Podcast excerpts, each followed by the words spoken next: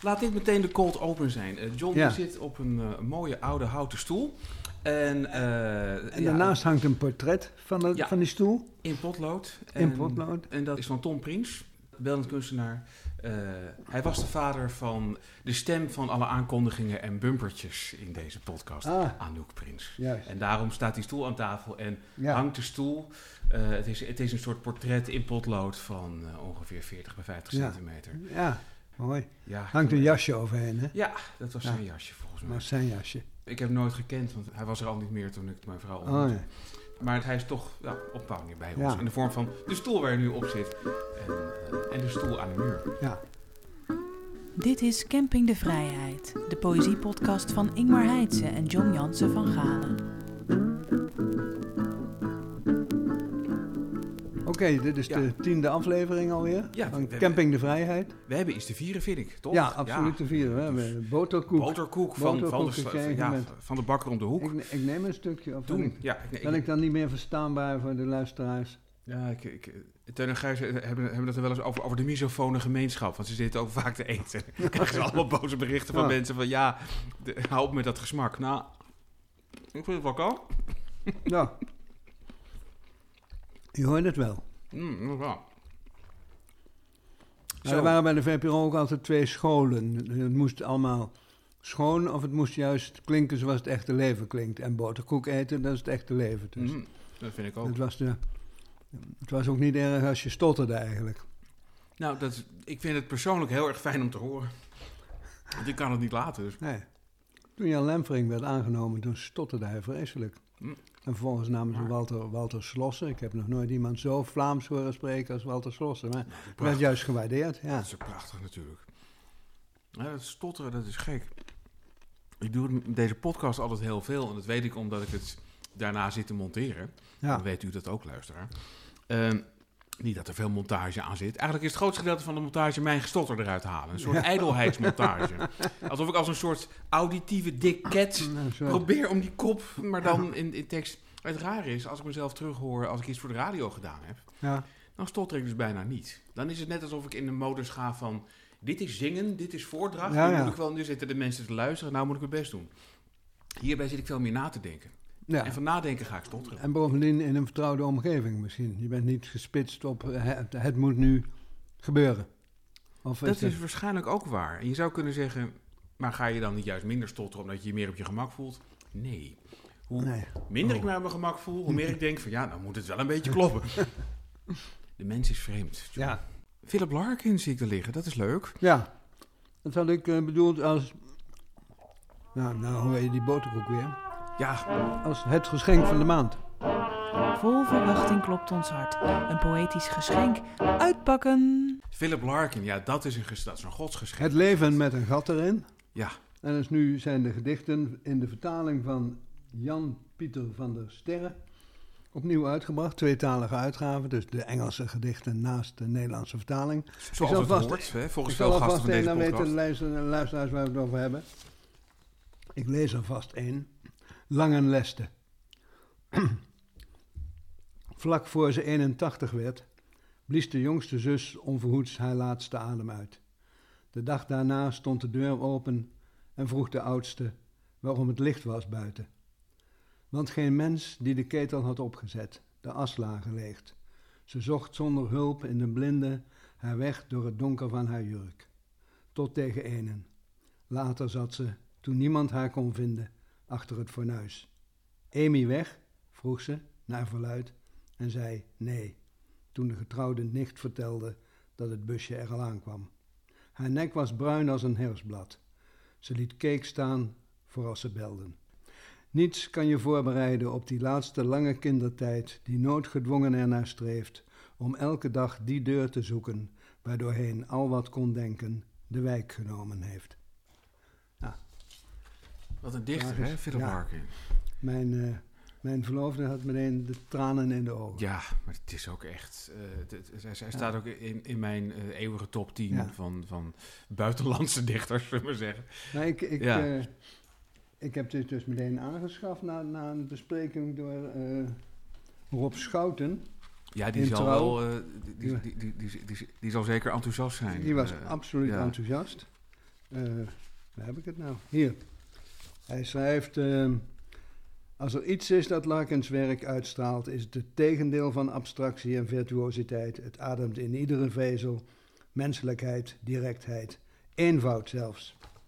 En wat me nou wel opviel in die, in die bloemlezing, de inleiding van de vertaler Jan-Pieter van der Sterre, is dat hij dan heel besmuikt gaat doen over... eh, ja, Larkin was een tijd lang heel populair in Nederland en toen zijn er, zoals hij zegt, onaangename berichten gekomen over zijn onaangename aard. Eh, Hij zou bepaalde, bevolkingsgroep, bepaalde bevolkingsgroepen ook, die zouden zich niet netjes over hebben uitgelaten, zo zegt hij het. Maar het gaat natuurlijk gewoon om eh, onversneden eh, racisme. De man was een reactionair, was Ja, een bewonderaar van Thatcher.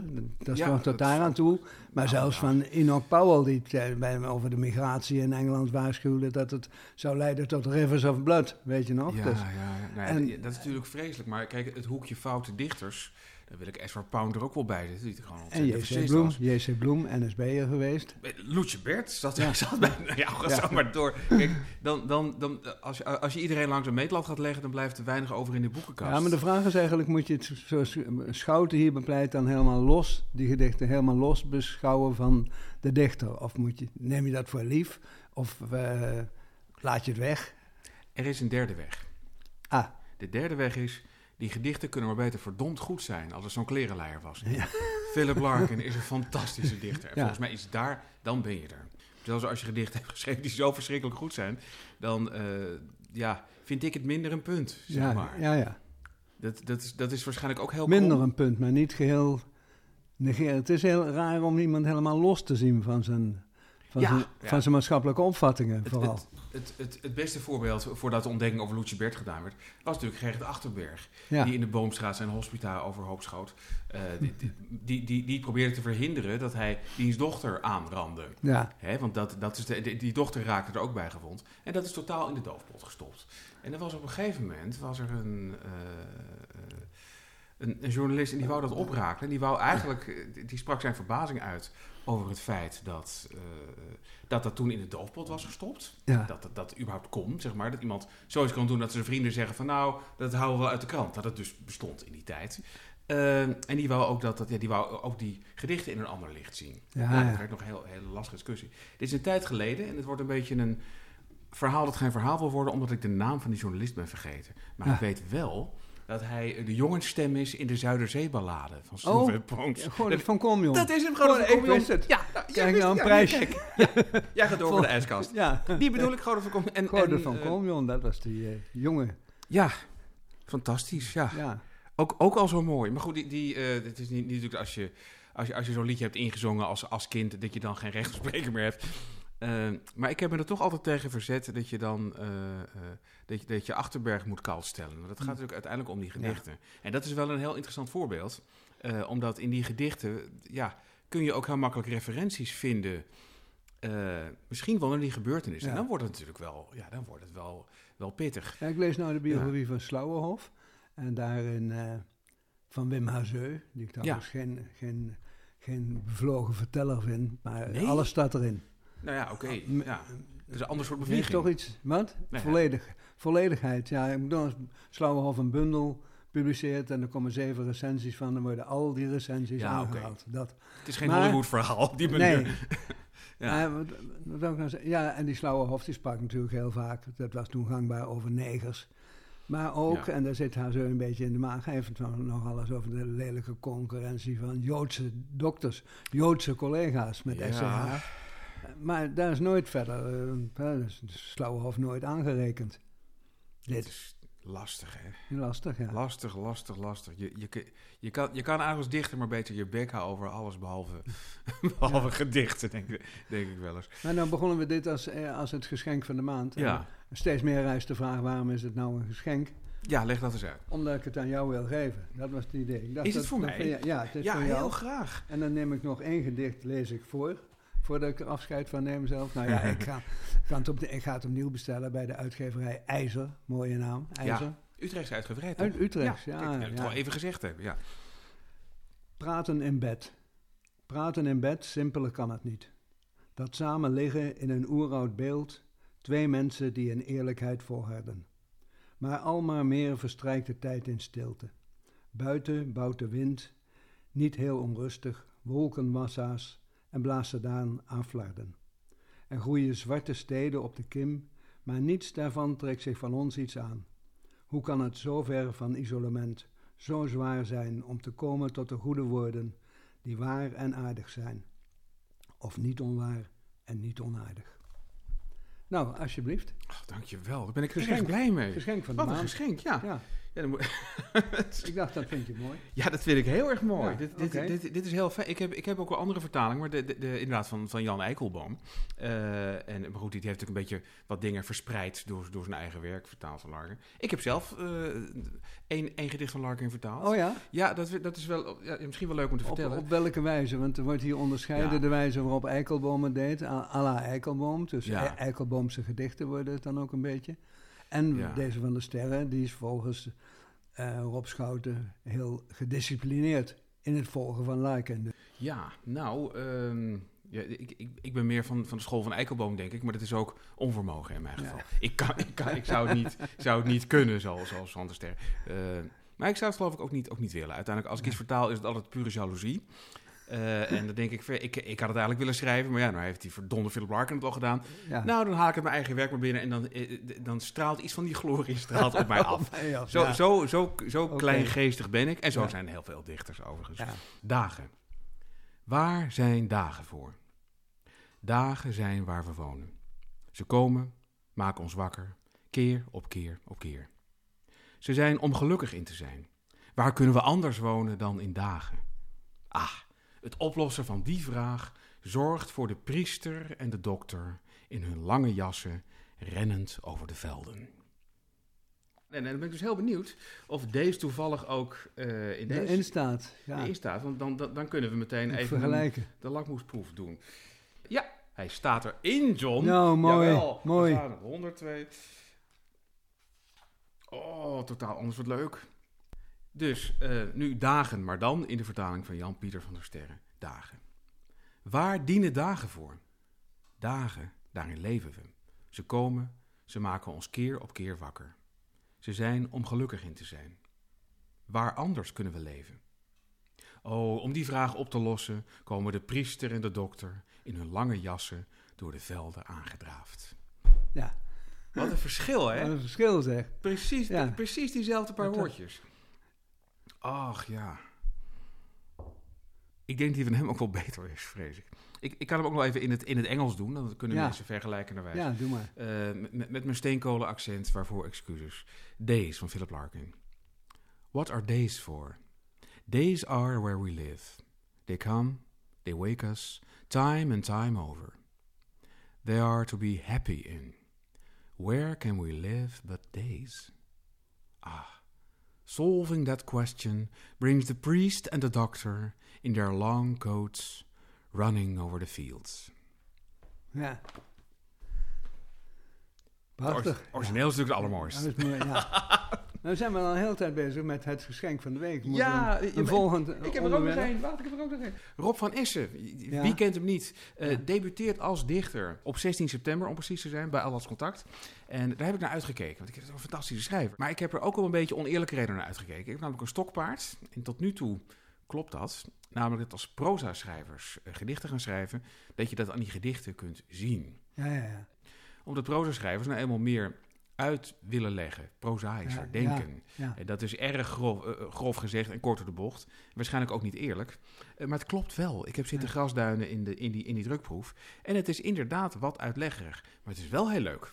Uit de bundel Alleen de warme dagen waren echt. Het bijna titelgedicht Alleen de warme dagen.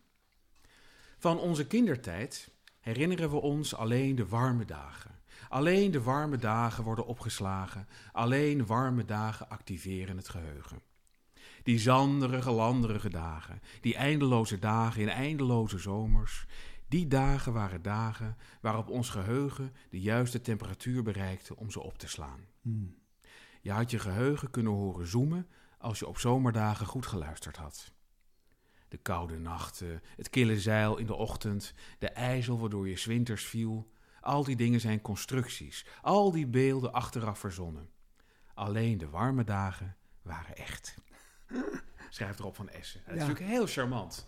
Heel leuk gedicht. En toch denk ik als dichter meteen van, ja, je zegt alles drie keer. Ja. Die repetitio is natuurlijk, helpt ook om dingen erin te rammen. En zeker op zo'n warme dag denk je ook steeds alles drie Ja. keer hetzelfde. Dus dat klopt wel. En toch had ik er een beetje in gestreept. Heel, heel onerbiedig. Maar ook, ook met die notitie, het is een hele leuke bundel. Ja. Kan het aanraden. Wat dat betreft is alleen de warme dagen waren echt van Rob van Essen mijn een- geschenk van de maand. En dan wil ik gelijk daarbij aansluiten graag met het, met het eh, gedicht van de maand. Ja, Het gedicht van de maand. Want dat, hij heeft hiermee te maken. Het viel mij op dat op Laurens Jansson Koster door Raymond Noé gedichten van. Jaap Harten, ja, typische romancier, inderdaad. die heeft ook gedichten geschreven en die noemt hij vertellende poëzie. Ik, kende die term niet, dus Pak ik heb aan. hem geschreven. Waar, Ja. komt dat dan vandaan? Toen schreef hij, dat heb ik zelf bedacht, om al die lezers voor te zijn die mij gaan vertellen dat gedicht van Jaap Harten, dat is helemaal geen gedicht, dat is eigenlijk proza met een andere regelval. Juist. En dat vindt hij niet. Hij vindt het Ja. vertellende poëzie. Oké. En daarom lees ik het even voor. Wat, wat, wat Jaap Harten, die vooral over Berlijn en Duitsland in de, in, de, in de jaren dertig veel heeft geschreven in romans. Maar die schrijft hier over Van Edens Walden. Frederik Ja, van. Eden, hè, van, van dichter ook. Van Edens Walden bestaat niet meer. Denk hoe het was. De kolonisten, wonend in verspreide huisjes, bezaten een elektrische bakkerij, een groentekwekerij, muizen, katten en een hooggestemde conversatie. Heel Bussum vond het gek. Men keek nieuwsgierig naar de dichter en zijn boekenkast, een rijdende uitleenbibliotheek. Men kocht socialistische groenten uit Walden. Maar de negen jaren werden magerder. Wel trok men soms naar het Nadermeer om de lepelaars, kokmeeuwen, meerkoeten en rode reigers te fotograferen. Maar een oude freule klaagde dat zij niet met een tuinman aan één tafel wilde zitten en een jonge intellectueel smaakte het brooddomens niet meer. Van Eden, zoon van een botanicus, schrijver van parabels over een krekelschool en een mierenkolonie, zag zijn ideaal in stukken vallen. Hij hing zijn bakkersmuts aan de wilgen en liquideerde zijn schepping in 1907. Waar de kolonisten eens Tolstoy lazen, ligt nu een voetbalveld. De golfkartonfabriek van Meurs staat op de grond van Van Edens negenjarig Utopia. Dan kom er wel eens langs, die, die kartonfabriek van Van Meurs die is nog steeds, dat is aan, de, Ja. rand van, aan de rand van Bussum. Maar wat vind jij? Het is een Ja. vertelling. Is het een gedicht? Ik zie je Nou ja. reuze aarzelen. Nou, weet je, kijk, ik, ik ben, ik ben van, van, van de nogal laffe school van ja, als iemand zegt dat hij zijn gedicht is, dan is het een gedicht. Wat mij dus dat is makkelijk, ja, het is een gedicht. Maar is het een gedicht waarin wat gedichten bijzonder maakt, eh, ten volle wordt benut? Nee, Nee. dat is het niet. Nee. Maar goed, dat weet hij zelf natuurlijk ook wel, want Zeker. hij noemt het verhalende gedichten.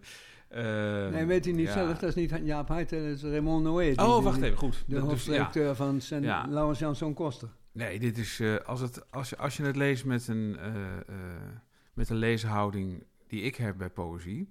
Namelijk, laat, laat nou maar eens heelal voor mijn ogen ontploffen in, in niet meer dan 100 woorden. Dan zit een beetje lafjes. Want het is Eh, ongeveer precies zo- zoals Nessio over Walden heeft geschreven. En dan zie je een, Ja, een heer met een strooien hoedje die Ja. uit een zakje bonbonnetjes loopt te eten. Dat is onge- ongeveer een beeld wat... En dat was proza. Dus ja, ja, maar Neschio, die, die, die, die schreef proza als een dichter. Dat, Ja, dat is toch wel... Het, mijn stokbaard blijft recht overeind vooralsnog, vind ik. Maar dat betekent niet dat ik, dat ik het niet goed vind. Of dat ik... Ja, dat heeft ook een plek. Ja. d- Daar gaat het niet om. Het is niet, eh, het is niet foei Jaap Harten of zo. Weet je, ja, het, het, het sleept zich een beetje voort. En je kunt je afvragen waarom het dan per se inderdaad in deze regelval moet. Maar ja, Ja. Misschien, misschien moet je daar ook staat niet... ruimte als je dat niet doet. Ja, precies. Het scheelt, scheelt een hoop eh, Een papier. pagina. Ehm, Misschien nog even voor de, voor de, voor de luisteraars onder de 40. D- dat Walden van Van Ede, wat was dat ook alweer? Dat was de, Nessio had daar in de buurt ook een kolonie, Tames geheten. Dat was toen in, in, in- rond de eeuwwisseling, ik bedoel niet deze, maar de daarvoor.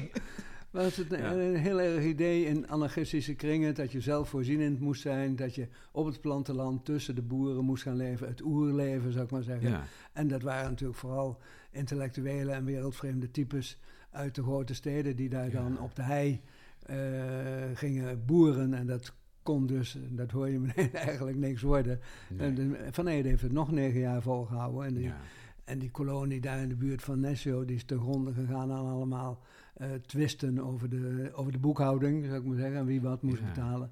Het, is nergens, het heeft nergens wortel geschoten en deze heeft nog relatief lang bestaan. En, en werd ook vrij bekend. Hè? Wat, wat, wat, wat, wat ging er mis met Walden dan? Wat ging er mis met Walden? Nou, dat heeft hij hier beschreven. Op de Ja, kwamen allemaal types die er helemaal niet... eh, die ge- Zo'n juffrouw die dan gaat... De oude freule die klaagt dat ze niet met een tuinman aan één tafel wil zitten. Nou, Ja. dan heb je wel de bijl aan de wortel van de gelijkheidsgedachte van Walden gelegd. Ja. En Walden komt, is natuurlijk eh, ontleend aan het eh, beroemde gedicht van Thoreau. Ja, het, het, het, het is wel koren op mijn molen. Want een van de weinige dingen die mij ervan weerhouden om de stad te ontvluchten... behalve dat ik van Utrecht hou en dat, dat mijn gezin hier woont... en dat wordt dus per dag moeilijker om weg te komen... is dat besef. Dat ik, kan, ik kan wel ergens eh, op, een, op een hoeve gaan zitten... Maar, ik- maar je neemt toch jezelf mee. Ja, En uiteindelijk trek je, trek je mensen als jezelf aan. Wordt het, eh, ja, het, het gaat niet werkelijk veranderen. Het bestaat helemaal niet. nee. Het is meer het omhelzen van de stank. Die, eh, Hij heeft mij vaak gevraagd, waarom ga je niet naar je geboortedorp? Velp is dat terug. Maar is het niet zo erg een dorp? Het is eigenlijk te groot voor een dorp en te Ja. dicht bij een grote stad, namelijk Arnhem. ja, Maar het is, de gedachte is nooit bij mij opgekomen. Het is aardig om daar terug te komen, maar niet om daar te zijn. Want Dan nee, ben je, ben je ja, toch wel erg op jezelf teruggeworpen ook. ja. En En jouw gedicht van de week? de tekenen verstaan. Gaat hij neuren je wanneer je een standje krijgt? Dan houdt hij van je. Staart hij naar je regenjas op de kapstok? Dan houdt hij van je. Doet hij alsof hij niet weet wie je bent? Dan houdt hij van je. Struikelt hij wanneer je naar hem kijkt? Dan houdt hij van je. Verbleekt hij als hij je opeens ziet staan? Dan houdt hij van je. Verslikt hij zich wanneer je geroepen wordt? Dan houdt hij van je. Bedekt hij vlug wat hij schreef in zijn taalschrift? Dan houdt hij van je. Nou, ja. Dat is toch heerlijk? Jezus, ja. Rudy Kousbroek, hartstikke Ja, leuke dichter. hartstikke leuk, herlees, herlees Rudy Kousbroek. Is antiquarisch nog best aan te komen. Eh, dierentalen en andere gedichten. Volgens mij geldt dat zo'n beetje als het verzameld werk. Het is niet zo heel veel. Je bent eh, binnen 200 bladzijden klaar. ja, ja. Waar vind je dat nog? Het laatste nieuws. Ik weet niet of ik nog toekom aan het bezoek van Gerrit Band, die al die eh, gratis bundels bij mij kwam afhalen. Ja, vertel dat eerst maar eens. Ja, Eh, Gerrit, Gerrit Band was dus degene die zich meldde toen ik die bundels aanbood te Ja. geven.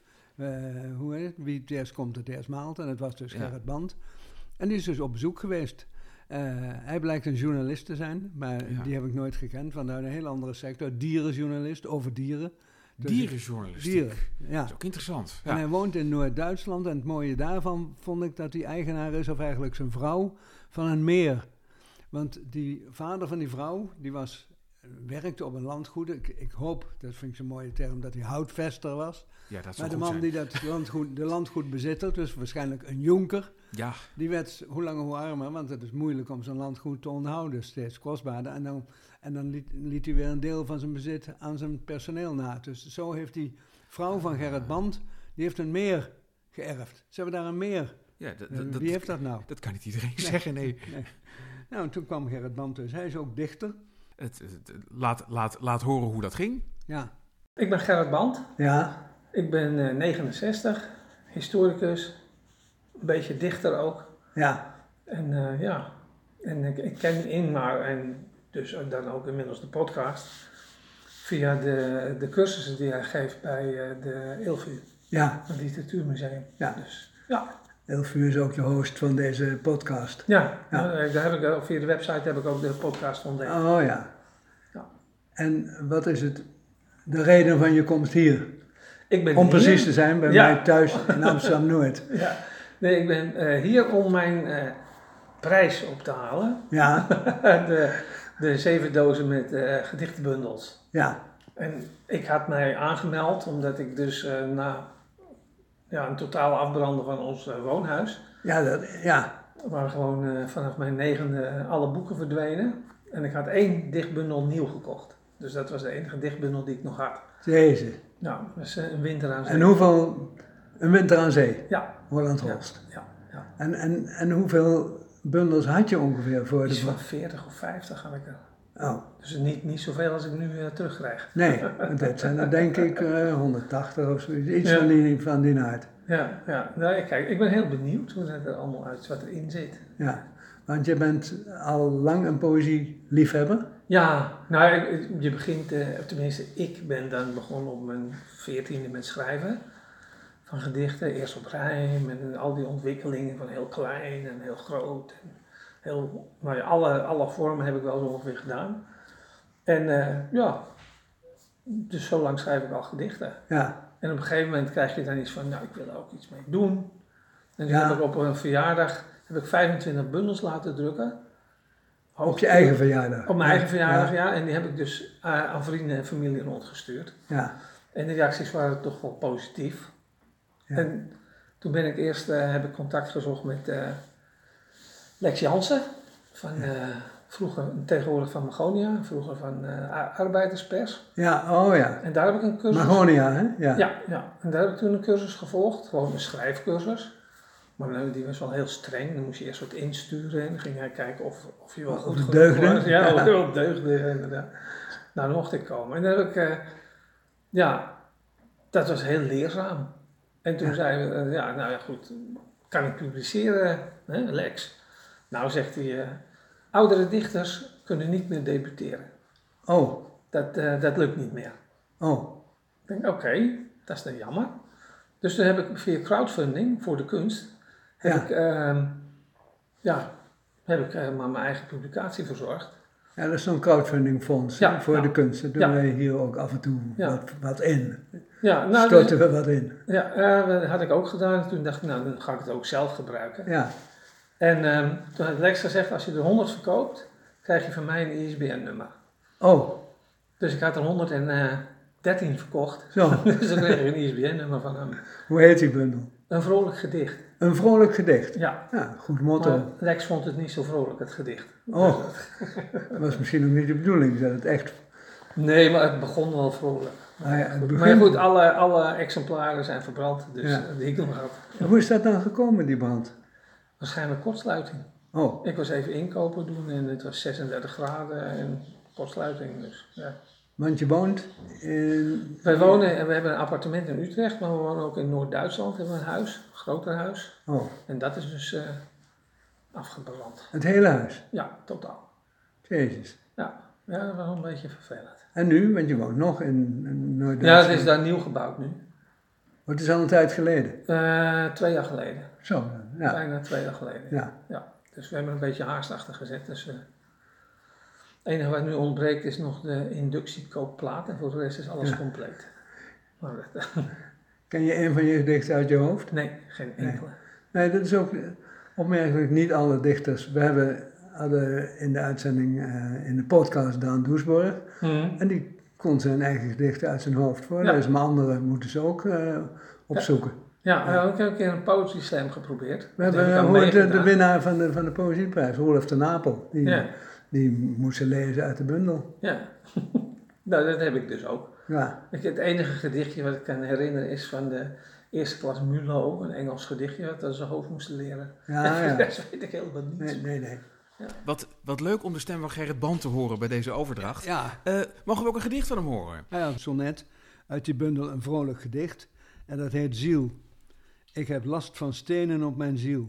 Langzamerhand zo gestapeld. Niet allemaal echt tegelijk en zonder dat er eentje viel. Ze zijn langs mijn huid en hart langs platgetreden paden, onregelmatig naar het schijnt, maar toch stuk voor stuk geladen. Mijn lief beweert het is een muur, mijn tong stelt het is een kade, niet zo hoge dam tegen het kwade. Misschien dat er straks mos groeit en geen nieuwe laag na lagen. Ik wacht op vele goede dagen. Nou, mooi. Nou, Klassiek. Klassiek, Ja. zeker. Ja.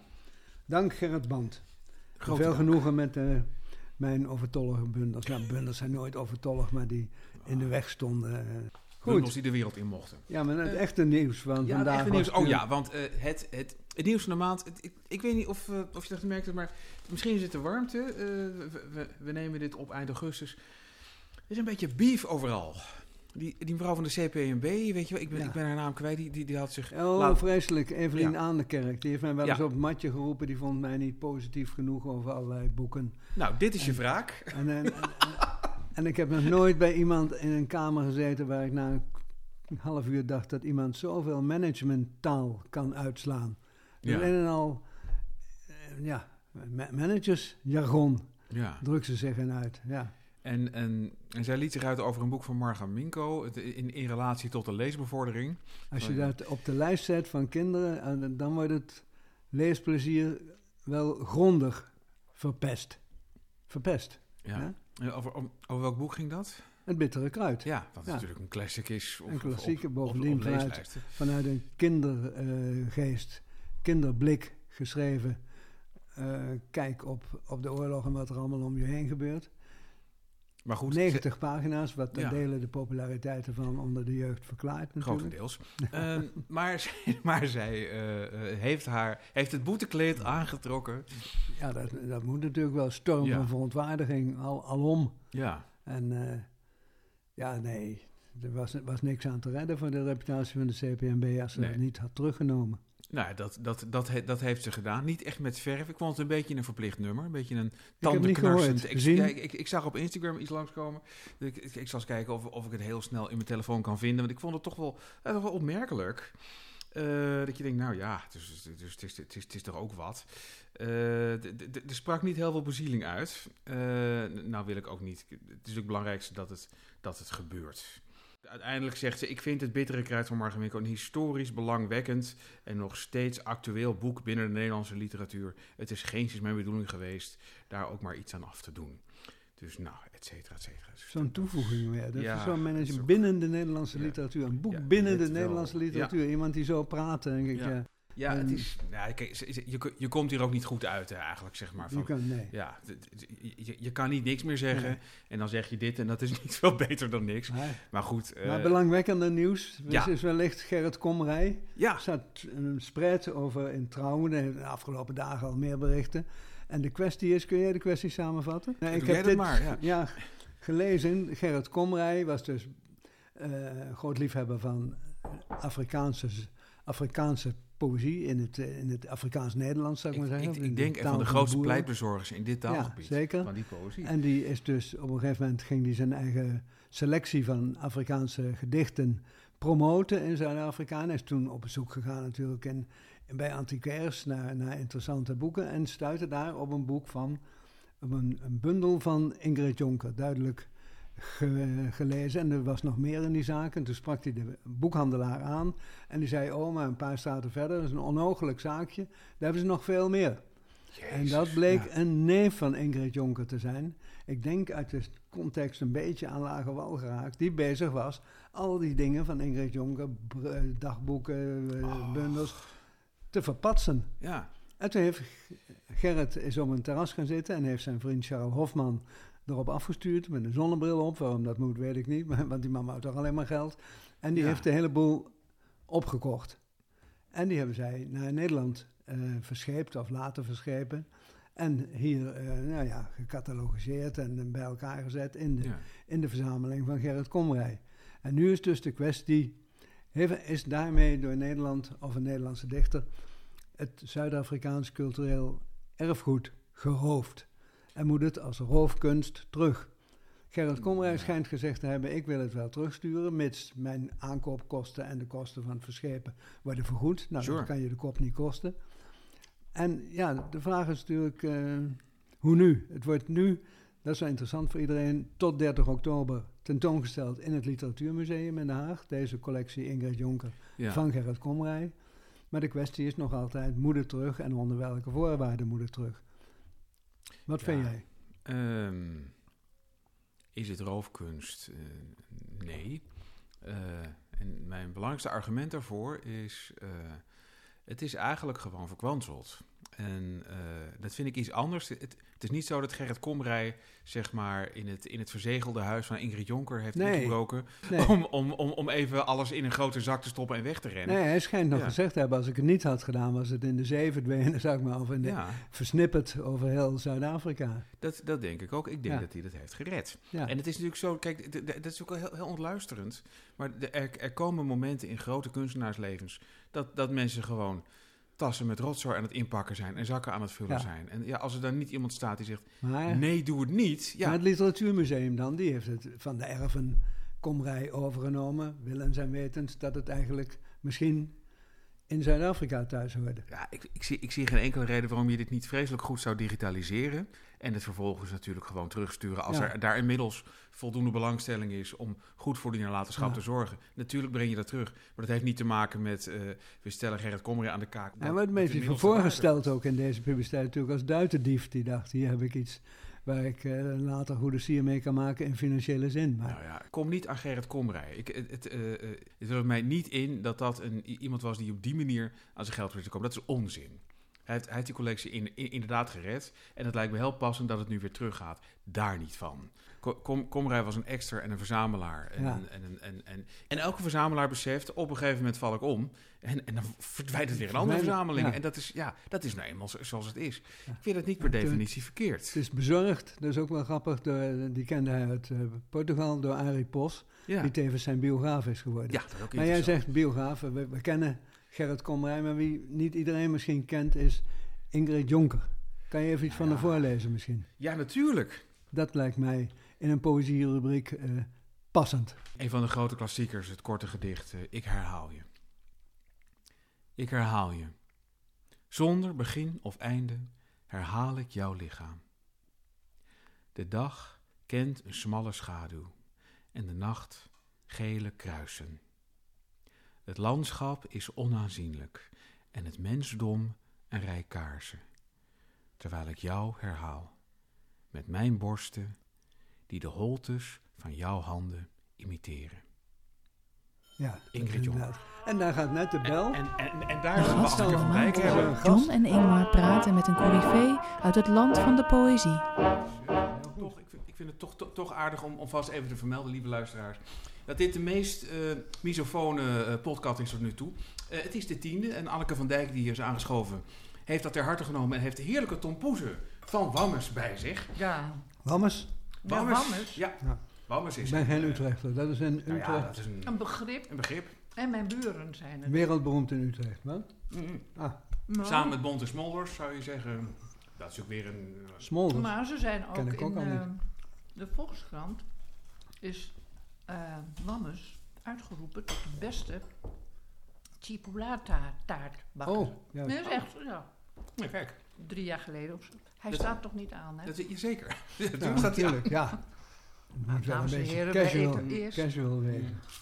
Ja. Nou, welkom.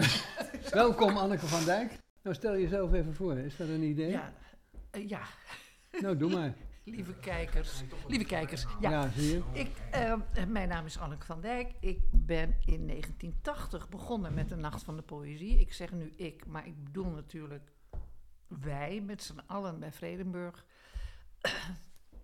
en na de eerste nacht dachten we al, hè, die toch half mislukt was. Als je kijkt hoe het verder is gegaan, eh, hier zit meer in. En we hebben dat dus eh, voortgezet.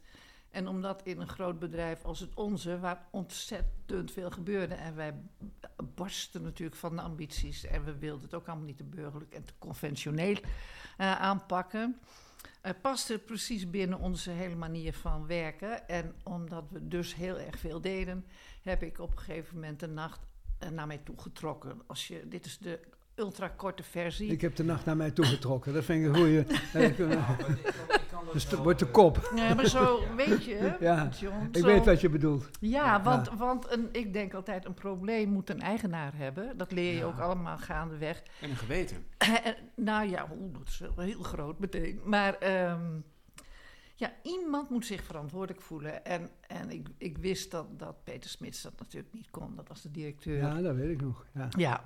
Ja. Dus ik heb dat maar gedaan en, en hij zag het en hij vond het goed. Ja. En zo is het eigenlijk gegaan. Nou En, zijn we net, dit is de tiende uitzending, maar jij begon als 1980, dus je bent op weg naar de 25e nacht. Nee joh. nee, lieverd. Het is de 45. De, 39ste. veer- de veertigste. Volgende week is het de Nee, veertigste. de 39ste. Nee, van en deze de keer, 40ste. nee, deze keer is het de 39ste. Ja, precies. De- ja, Dit jaar in En oktober. volgend jaar de Volgend 40e. En volgend Ja. jaar is het de 40ste. Inderdaad. Veel, hè? Gossie, Gossie. Ja. Ja. Ja, dat, weet je dat ik, ik weet niet, het is ook niet schijnheilig of zo van mij, maar af en toe dan denk ik van, nou ja zeg, ik deed gewoon mijn werk. Ja, Dat is Ja. ook echt waar. Ik deed gewoon mijn werk en dat dingen dan zo uitpakken en zo goed vallen en toch zo succesvol zijn, dat kun je echt niet van tevoren bedenken. Dat vind ik toch een van de verrassende dingen van het ouder worden. Dat je absoluut niet weet waar alles wat je in gang zet uitkomt. nee. Je weet het eenvoudig niet. Hè, iedereen trouwt ook met de beste bedoelingen. Ja. Ja. Hè, en, En en, toch loopt en- het in de helft van de gevallen op spaak. nee, daarom. Dus dat, ik vind 50 ook. Nou, je Ja. weet het wel te verkopen, John. Ja, Eh, zeker. Maar eh pod- podcast is een, is een jong medium, dat ook door jonge mensen beluisterd wordt. Ja. Stel nou, ik denk het niet, maar stel dat er iemand luistert die nog nooit naar de Nacht van de Poëzie geweest is. Wat, eh, wat, wat staat je precies te wachten als je daar heen gaat? Wat Nou, is dan dat? moet je, denk ik, eh, je voorbereiden op een vrolijk chaos. eh, waar wel echt wel structuur in zit. Dat merk je ook gauw genoeg trouwens. Met heel veel eh, een manifestatie met heel veel dichters. En met heel veel muziek en soms ook andere dingen. Ik bedacht op weg hier naartoe.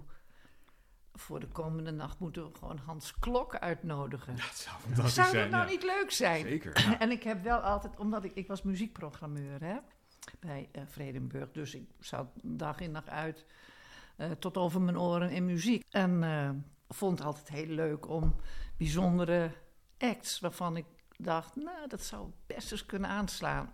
Nou, dat werkte ook vaak heel erg goed. Ja. Heel erg goed. Ja. je zei nog even voor die denkbeeldige jonge luisteraar. Ja, ja. Je zei dan, we hebben zoveel optredens van dichters. Ik neem aan, die komen hun gedichten lezen. Die komen hun eigen gedichten voordragen. Hoeveel?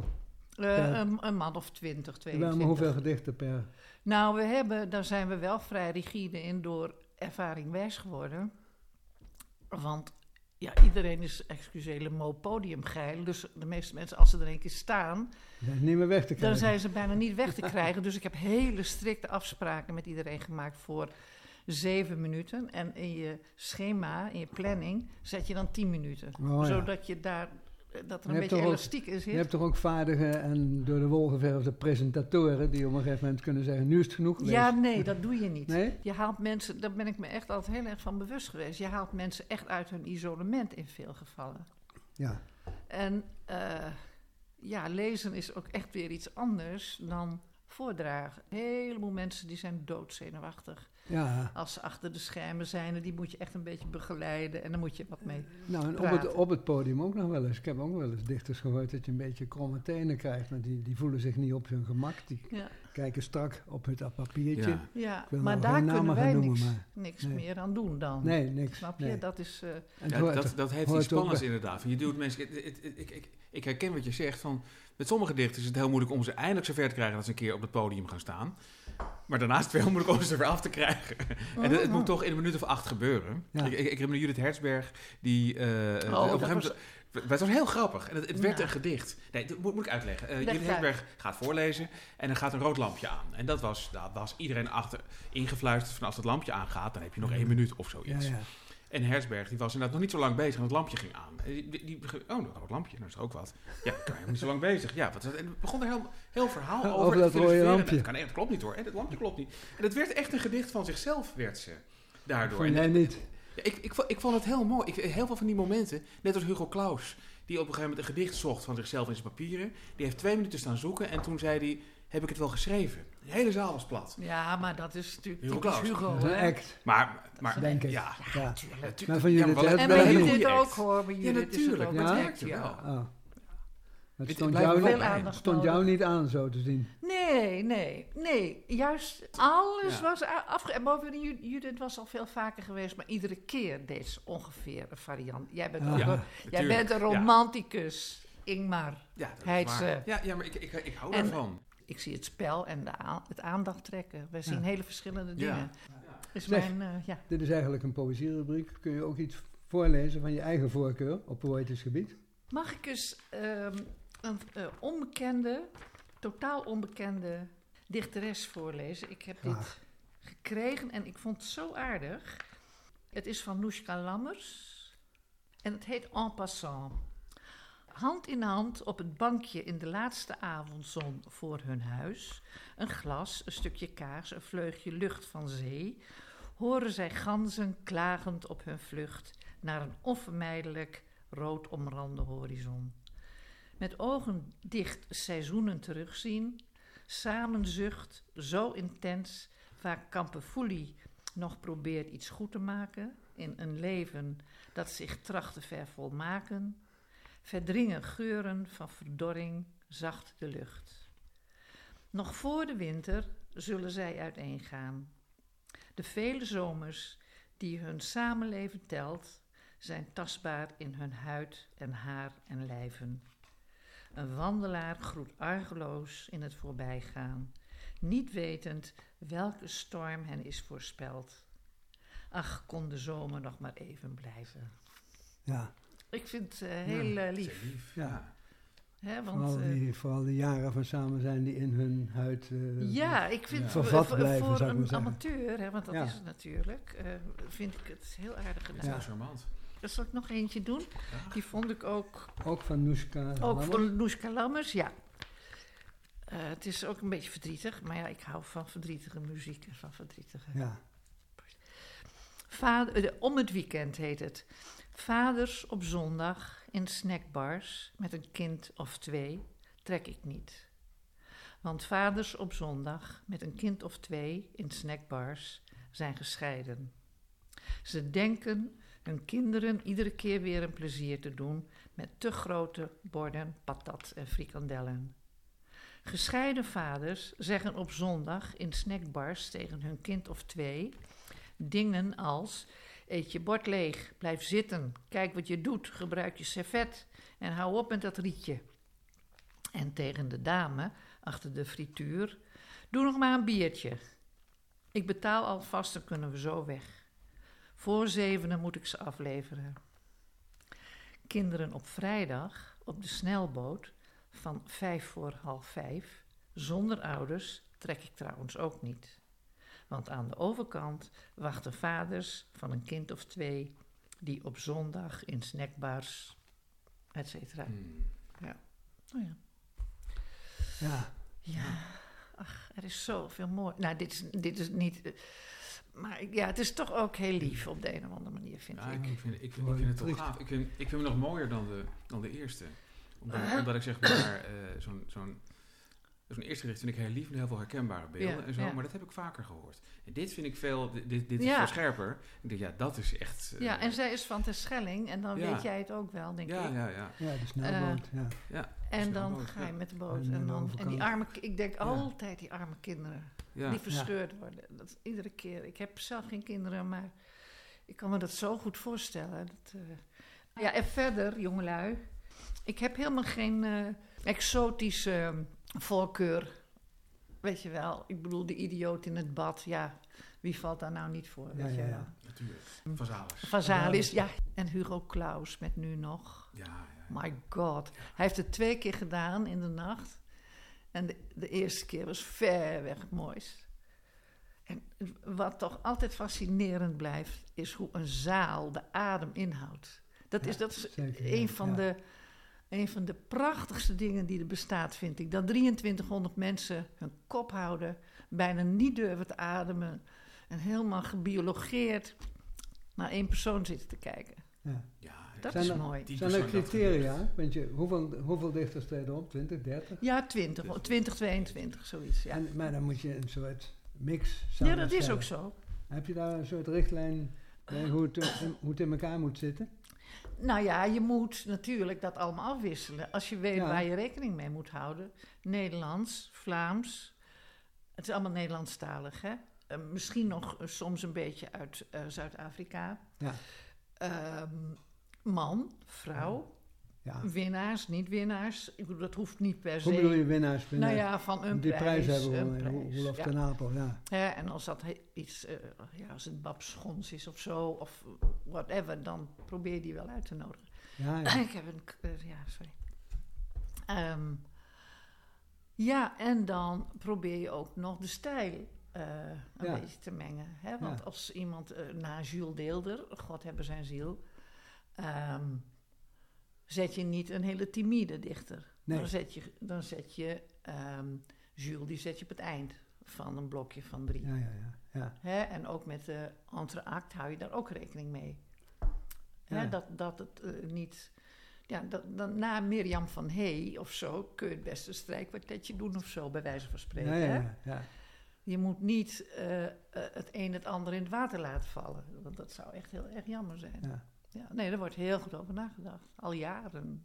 Vanaf het begin, volgens althans. Ja. Ik, ik, Nee, ik... Ik, eh, ik, ik, ik stapte in 85 in, ik heb, de, ik heb de eerste vijf gemist. Maar het is inderdaad, van, eh, als je het hebt over de dingen die, die je kan leren van de nacht. Eh, to- to- toen ik zelf avondjes begon te beleggen in cafeetjes in Utrecht, besefte ik al van, daarom is die nacht zo goed. Omdat die hele avond is een opstelling als van een voetbalelftal. Ja, ja. Met wissels. Je- Je echt Ja. nadenkt van Ja. wat, wanneer, Ja. op welk moment, Ja. wat komt er wanneer Ja. in. En wat zet je niet naar elkaar omdat het, om- omdat het gaat bijten. En het gaat natuurlijk ook wel eens mis omdat iemand eh, anders te werk gaat of er gebeurt iets Ja. dat je niet verwacht. En dat is ook, ook heel leerzaam. En is steeds op dezelfde locatie geweest? eh, nou, we hebben natuurlijk de verhuizing van Ja, Vredenburg Vredenburg, gehad, hè? Steeds in Vredenburg. Eh, nee, eh, Oh. toen is het eh, in de, zogenaamde Rode Doos, het voormalige Grace Theater. Heel Dat, verschrikkelijk dat was het eigenlijk. dieptepunt. Ja, dat was Pepsi-podium, dieptepunt, ja. En daarna Ja. twee keer, meen ik of zo, dat weet Ja, ik maar beter, in, in, in de schouw, is dat Oh, Schouwburg. ja. En, keer in de jaarbeurs. En in de jaarbeurs. Maar we wilden Ja. heel graag de continuïteit bewaren. Overigens was ik toen net weg. Want de verbouwing zat er al de hele tijd aan te komen. Hè? Want wij hebben toen we werkten het plan van eisen opgesteld. En nou ja, dat is uiteindelijk eh, geconcretiseerd. Maar ik had de gedachte, ik heb echt, dat moet je maar geloven, heel veel opgebouwd. Vooral ook in de muziek. Ja. En naast de nacht en Simeon in Holt en allerlei Oh, andere ja. dingen. En eh, toen gingen we verhuizen en het is heel treurig. Je leert er echt veel van. De opbouw van zo'n bedrijf en uiteindelijk ook de neergang. Want Ja. Er werden geen mensen meer aangenomen. Weet je, je, je Nee. hebt geen richtpunt meer. Nee, nee, nee. nee. En dat, eh, ja, dat heeft een enorm effect op een bedrijf en op de motivatie van de medewerkers. En omdat ik het bedrijf vanaf het begin mee heb opgebouwd, het stond er nog niet toen ik hier kwam. Eh, ja, ik had eenvoudig de energie niet meer, de mentale energie niet meer. Hè, ik ben meestal niet kapot te krijgen, maar dat breng je niet meer op. Want het is, eh, dat werk is zo enerverend en alles bepalend. Je kop zit er de hele tijd vol mee. Ja, Zelfs al zou je het niet willen, dan nog. Ben je altijd, als je programmeert, ben je altijd bezig. ja, ja. Toch moet je misschien tussendoor even uitleggen. Het laatste eindigde met omstreeks 2012. Ja? Toen was ik weg, zei je. ja. En nu praten we over 2022. en dan ben je volop helemaal niet weg. Wat doe je dan? Oh. ja, oh ja. Hoe komt dat? Ja. Eerst ben ik wel heel erg eh, gaan uitrusten, want het is een baan waar je echt kapot van gaat. Wij werken gewoon altijd 60 uur, dag en nacht. En dan nam je het in je hoofd ook nog mee naar huis, dus Ja. nooit klaar. Eh, maar mensen weten je dan toch wel weer te vinden. Ik mag, zo noem ik dat zelf altijd, voor spek, voor spek en bonen nog in de redactie zitten van de Nacht van de Poëzie. Aha. Wat ik erg aardig vind, want ja, mijn inbreng is... Ik ben wel een soort wandelend archief, maar ik ga het echt niet meer allemaal bijhouden. Nee. Want dan ben je doodgewoon aan het werk. Dan ben je, hè, want er komt zoveel uit. Ik vind het een, echt een hartstikke goed clubje. Eh, Esther Naomi Pekin, Ja. eh, eh, Michael Stoker, Piet Pirijns no- nog steeds. Ja. Eh, Sophie Kok natuurlijk. en, so- En, ja, eh, namens ja. Sophie, die doet dan En- eigenlijk nog de achtervang, zeg maar, van Ja, maar alles. die komt met heel veel dingen. aan. Het, het maar leuke die is zij zit- hartstikke goed. Zij is zogenaamd te notuleren, maar ze schrijft allemaal Nou, dingen van... ze is "Ah, ik heb dit ook gezien, vond ik ook heel leuk. Wij allemaal weer, oh, ook, ook, ook. Ja, Dus nee, is wel- Sophie is van Ja. goud. Ja, ja, ja. Zes man. We zitten met z'n allen in een van de geheime tuinen van Utrecht. Ja. Waar ze ook nog witte wijn komen brengen en een broodje. Zitten, zitten we met tussen stapels en bundels. Het, het is vrij idee. Het is altijd lekker weer als we vergaderen. Heb je Ja, dat? gek, je dat- Ja, maar dat ook is, altijd. Ja, winter. begunstigd door de weergoden. Tenzij bij de evaluatiekip. Toen was het geen mooi weer. Ja, oké, toen was het noodweer. Toen- Maar toen nee, maar dat, Evaluatiekip. Dat is een woord, Ja, zo. dat Nee, is een woord nee, voor maar- Rogier Proper. nee, maar ik, ik, ik had dat een keertje. eh, toen moesten we, moesten we elkaar spreken. En toen zei ik: Jongens, zal ik een evaluatiekip braden? Ja, een goede nou, en sindsdien is dat een beetje. Ja, Maar ja, nou, de die kip hebben is we hier betrapt. ja, Ik zit nog steeds met, met het zeg maar op het podium duwen van sommige dichters en ze er dan niet meer van af kunnen krijgen. Eh, en en ja, die, die, die excessen zijn een beetje voorbij, heb ik de indruk. Dat zeg maar ja. de echt gevaarlijke, woeste dingen, dichters die opeens eh, ruzie maken of, of, of, of, of publiek dat opeens hele rare dingen begint te schreeuwen. ja. Dat, dat is gelukkig een beetje geweest. Het is wel geknipt en geschoren inmiddels die nacht. Ja. Eh, maar dat. dat dat is ook een beetje gestroomlijnd dus. Ja, maar dat is ook niet. Ik vind dat professioneel. ja. Je, ik bedoel, je, als je mensen uit hun, uit hun studeerkamers eh, haalt, dan eh, neem je ook een verantwoordelijkheid op je, vind ik. Ja. Hè? En dan moet je ook zorgen dat men eh, kan optreden in de best denkbare condities. En je, ik heb het natuurlijk nooit helemaal in de hand gehad. Niemand kan dat in de hand houden. Eén of twee idioten is altijd genoeg om de wereld eh, in brand te zetten. En, en, en een gebouw Ja, eh, te ontregelen. Dat zei ik ook wel eens tegen de portiers. Pas op, want als één iemand aan een, op een, aan een knopje draait bij jou... als je het even naar de pleeg gaat... dan kan er een disaster ontstaan. Ja, dat is gewoon zo. Dus in die zin kan een zaal ook totaal... één hoestende persoon... ik met deze hoest... Nou, zal ik dat niet in de zaal gaan zitten, maar... ehm, ja, is genoeg om het allemaal kapot te maken. Hè, dat is niet zo moeilijk. dus het is altijd op het nippertje goed afgelopen. Nee, niet op Nee? het nippertje. Het is altijd Nee, goed. gewoon zegt, goed er hoeft maar één gek in de zaal Ja, maar als die er niet is en 2000 die was... Nederlanders zijn meestal wel één gek, of niet? Nee, nee. de- het houdt elkaar... Weet je, dat Ja. leer je ook. Het houdt elkaar in balans. Ja, ja. Dat. Ja, Zie je ook weer zo'n ding wat ik geleerd heb. Bij strijkkwartetten en zo, waar ik dol op ben... zat ik altijd achter in een hoekje van de zaal... klaar om in te grijpen als er iets gebeurde of zo... wat het geheel zou kunnen verstoren. ja. En de deuren van de kleine zaal, die sloten op een bepaald moment niet meer goed. Dus dan hoorde je af en toe wel eens in elkaar gezette kopjes, weet je wel. ja. En de mensen van de horeca hebben toch echt andere doelen Normen, en ja. normen Ja. dan, dan de gemiddelde strekpartijtluisteraar. Maar dan zat ik al gespannen eigenlijk, eh, klaar om de deur goed dicht te doen. Totdat ik dacht, echt waar, het is een enorm proces wat je toch allemaal zo leert geleidelijk aan. Toen dacht ik, als ik het hoor, dan hoort iemand anders het ook. Ja. En Ja. inderdaad, men corrigeerde het gewoon. Ja, en ja. ik ben blijven zitten. En dan heel... Zo werkt dat. Ja. Mooi, hè? Ja, ik mooi. vind dat wel, ja. Want jij zegt, en dat, e- één iemand kan- kan zo'n zaal ontregelen, en Ja. dat is waar. Maar ook één iemand kan het Kan contact tussen de dichter en de zaal eh, leggen. Ik, ik, herinner me, dus, ik heb Ja. misschien wel eens eerder verteld dat Mark Boog aan het voorlezen was. Hij moest openen, hij las prachtig voor. Hij prachtig. Ja, voor. hij leest prachtig. En ja. drie gedichten in doodse stilte. En het was een beetje alsof ze op elkaar wachten. En toen zei iemand in de zaal, die zat in eh, nou, vak F of zo, die riep mooi hoor. En meteen was het contact gelegd en was die nacht pas echt begonnen. Ja, Ja, dat er is is... ook één persoon Ja. soms Ja, die daarvoor zorgt. ja. nee, maar Dat dat, oh, ik krijg hier kippenvel van. Ja, want mooi. dit, is- dit is wat er namelijk eh, vaak gebeurt. Ja.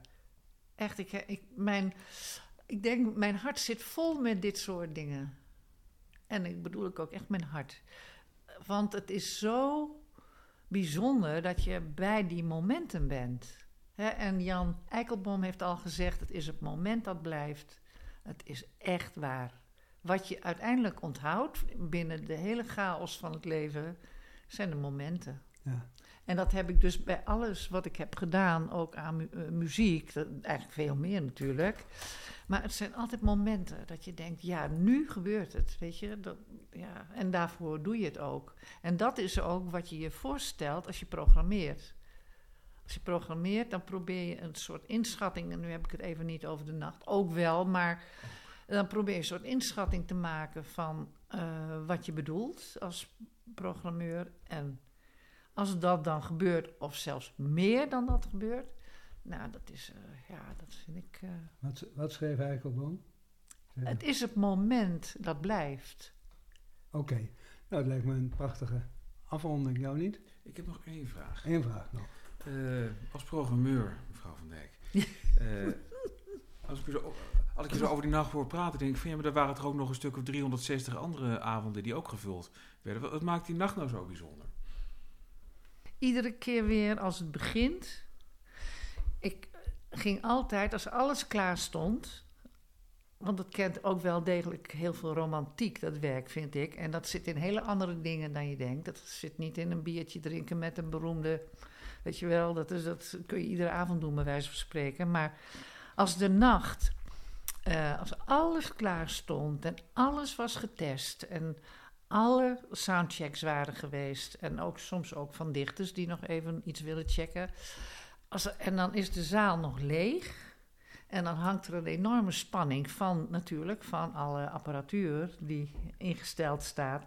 En dan is het helemaal leeg en dan eh, ging ik heel vaak even kijken.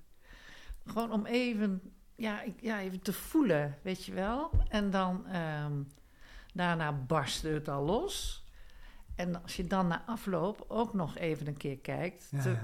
dan is het een woestijn van, van alles. En dat is bij popconcerten nog veel erger dan bij de nacht. Maar dan, dan is het echt daar gebeurd, weet je. En dat, ja, het zijn de kleine genoegens van de programmeur, denk ik, of zo. Die, eh, Dat is mooi. Hè? Ja. Dat, he- voor mij heeft dat een enorme romantiek, echt waar. Ja. Dat De je... romantiek van de nacht. Ja. Ja, voor mij is dat, is dat het wel, ja. Het, de nacht is voor mij het, het langste moment uit mijn leven. Want het aardige is inderdaad van... Ik, ik ben het eens met eikelbomen met jou. Het zijn de momenten die Ja. je onthoudt. Ja, elke keer als die nacht weer begint, dan denk ik... Dan is het net of het hele jaar wat ertussen zat... alsof het niet heeft plaatsgevonden. Ja, ja, ja. En, eh, Dat dus, is mooi, ja. en dus het is... En ja, dat, dat, dat, is, dat is fantastisch. Opeens staan alle sterren weer op hetzelfde moment. denk je van... ja. Het is gewoon alsof, alsof tijd helemaal niet bestaat. Maar dat was heel sterk. Ik weet nog dat bij de eerste, eerste keer dat het weer in eh, Vredenburg, voor mij blijft dat natuurlijk gewoon Vredenburg, was in de grote zaal was. Toen stond ik daar met Piet, Pirijns, en toen zeiden we, kijk, zo hoort het. Weet Ja, ja. je wel? Want dan is het weer niet omdat we zo suf zijn en niks mag veranderen, maar het had weer gewoon, het was meteen zoals het moest. Want wat ik Ja. dus ook heel grappig vind, eh Hertzberger heeft natuurlijk de zaal gebouwd. Herman Ja. En, ehm, en die kwam heel veel bij ons en ook even koffie drinken, een beetje ouwe hoeren natuurlijk. En eh, Herman, die bij alle voordrachten die ik van hem heb gezien, vertoonde altijd een paar prachtige foto's van de Nacht van de Poëzie. Omdat dat is wat hij bedoelt. Ja, dat, is, ja. dat zei hij dan ook. Daar Dames en heren, dit, is, dit is wat Wat ik gewild heb. mijn, mijn visioen geweest toen Ja. ik het bouwde. Wat een fantastische architect ook. Sowieso een leuke man. Echt, echt een Mastroianni van de architectuur. Vond hem heel leuk. Ja, het is wel Ja. bijzonder. eh, Lees nog een gedicht. ja, Ja. vind je? Ja. ja, vind ik, ja. Dit vind ik een mooi. Oh, dat is ook weer zo somber. Van, eh, van Martin Veldman. Dat kent Oh bijna ja, niemand. ja, ja, ja. Zal ik dat doen? Ik, Ja, ik dat heb, ik heb die bundel nog steeds die je me gegeven hebt. Ja. Ja. Collectie Veldman, ja. erg ja, want Ja. dat is toch Leuke wel eh, bij, Ja. eh, eh, hoe heette die, bij Co, mijn zus en mijn zo in Amsterdam-Zuid, Co. Ja, in de Bandstraat. Hele- Oh, Ko van Leest. Leef. Ah, ja. ja. nou, dat Ja, toog ik dan naartoe. Als meisje uit de provincie. Hier komt ie. Wens. Eens, oud geworden, stil te mogen zitten op de veranda van een half vergaan badplaatshotel. Te weten dat gedaan is wat gedaan moest worden. Muggenziften, liefhebben, dichten, zaken doen. Ontstaan verzoening en onthechting daar waar maan en zee ontroerd in elkaar ondergaan. Slechts daar, denk ik. Wie ooit zijn ziel wil witten, zoeken de zachte roep der oceaan. Laat dan de regen komen, grote regen, die juicht over de boulevards. En laat de ober komen met zijn obligaat palaver en zijn dubbele granienever. En luister naar de oude commensalen met elke dag hun eendere verhalen. Ja. Ik vind het Mooi, prachtig. Ja. Hè? Leuke, leuke poëzie. En Martin die zat natuurlijk, die was van... eh, eh, D66. Dat is die mede... Ja. Ja, ja, ja. Grondleggers van D66. En- en Frans de- Heij en Veldman heette het bureau. Ja. Ja. Nou, en later DB, Reclamebureau. HO. ah, nou, ik weet niet meer, maar dat is later overgegaan in een heel D- groot... DBO of zoiets. Ja, DBBO. Of, ja. Ja. En hij was getrouwd met Merel Lasseur. En Ik heb ook wel eens bij hem geluncht, want wij waren allebei Fries. En dat... Ja, dat vond. Nee, nee, maar dat is zo lunchen, klinkt... ja. klinkt lunch van ja. ja. nou, maar hij wou niet. Hij wou aanvankelijk niet. En blijkbaar was ik dan toch, ja, als ik het één keer op de heup heb, blijkbaar was ik dan toch zo overtuigend dat hij zei, nou ja. Terwijl hij net op de radio had gezegd, Hij nee, wou niet optreden. Nee. Oh ja, De dat zei hij er niet bij. hij wou niet. Oh, hij- nee, ik dacht, hij wou niet lunchen, maar hij wou niet optreden Als, in de nacht. als Anneke van Dijk zegt hij wou niet, dan, Dan gaat gaat het altijd over over de nacht. Hij wou niet. Ja. Nee, hij wilde niet optreden, nee. nee. Maar, Maar dat- maar dat is wel gelukt dus uiteindelijk. Ja, twee keer is hij geweest. Ja, ja een tragische man. Ja. Enfin, die, hij heeft wel van het leven genoten, geloof ik hoor. We blijven dichters. ja. Nou, jij kunt het weten. Eh kut. Ja, zullen we het afsluiten? Nee. Oh, nog Rogier. Het verdwijnwoord van Rogier Proper. Vleerhond. Van een vleerhond had ik nog nooit gehoord tot ik het onlangs in de wetenschapsbijlage van de NRC tegenkwam. Wat een tot de verbeelding sprekend woord is dat zeg. En er zijn wel 180 verschillende soorten vleerhonden. Waarom ken ik die hond niet en vleermuizen wel? Omdat de vleerhond, soortgenoot van de vliegende muis, in onze streken niet voorkomt. Ik geef toe, als ik eenmaal ga beginnen aan prachtige dieren- en plantennamen, dan is het einde zoek. Maar ja, af en toe mag wel, toch? John, zullen we, eh, is het niet leuk om te kijken of we voor de gasten de volgende keer, die we nu nog niet besloten hebben, om een, een als een espenblad trillende debutant uit te nodigen? Die dan nog, die, dan op- nog die moet. dan nog moet. Ja, En, en, en, en die daarover... eh, Sadist, over aan de tand- sadist. Ja, Ja. Dat is, dat, zo zijn wij. Eh, Anneke, wa- waar, waar kijk je het meest naar uit de komende nacht? Wa- Wat is voor, waar, waarvoor kom je echt je bed uit? Waarvoor, zeg maar, waarvoor blijf je, blijf je staan in de zaal? Omdat je weet dat er straks komt en je denkt van... Ik ga nou niet een biertje halen, want dan ben ik te laat terug. en nou moet je echt iemand noemen, hè? Dat begrijp ik, Voor ja. wie? Nou, ik ben wel een Rob van Essen, ben ik erg benieuwd naar. Maar dat is nieuwsgierig. Ja, het is bijna Ja. altijd nieuwsgierigheid. Als er nou één moment was eh, de afgelopen 38 nachten... waar je nu naar terug kon gaan. Welk moment zou dat zijn? Oh, dat is wel ja, alweer zo'n moeilijke Ingmar. Wat ik zelf hartstikke leuk vond, was Frits ten Harpsen van Beek.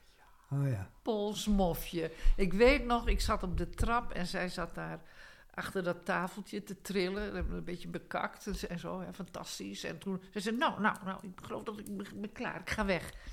Of, of, of moet ik nog iets? En toen siste ik, polsmofje. Zei je polsmofje? Oh, nou, toen ging ze polsmofje voordragen. Kijk, dat is nog eens. Dat staat, hè? Oh ja. En dat Ja. was jaren. Prachtig. Dat, dat, dat is het voorgerecht van de Ja. programmeur. Geweldig. Ja, Ach. ja, dat vond ik heel bijzonder. En weet je, ik weet dan hoeveel moeite ik heb gedaan om haar te krijgen. Hè? Ja. Jaren, jaren. Maar ja, dat is ook met Lucebert, potverdomme zeg. Daar ben ik zeven jaar mee bezig geweest. Dan belde ik naar Alicante, naar een obscuur cafeetje... waar hij dan eh, af en toe eh, zijn namiddag doorbracht. Maar ja, zijn vrouw Tony zat er natuurlijk altijd tussen. Maar hij is gekomen en hij vond het hartstikke leuk. Weet je, mensen weten niet wat ze missen als ze niet af en toe een gedicht lezen. Al dus Anneke van Dijk. Goed, dankjewel, Heel Anneke erg. van Dijk. Alsjeblieft, Ja, John. John Dankjewel. Verhalen, Ja. Ja. dit was Camping de Vrijheid, aflevering 10. Op Alweer. naar de elfde. Wat? Op naar de 11e. Ja, Wat gaan we dan toch ook weer doen? Nou ja, we zien wel. dat zien we. eh, Ja. Onder andere wat we nu... Slauwerhof is met Over. gedichten. Ja. Slauwerhof, die Simone. Is het dan eigenlijk niet zo warm? Ik word er helemaal gek van. Nou, Nee, je ik moet niet. er niet te veel aan denken, Ingmar. Het is warm, maar ik beheers mijn gedachten. Oh ja? Ik, eh, Dit was Camping de Ik Vrijheid. Namens Ingmar. Heidse en John Jansen van Galen. Tot de volgende aflevering.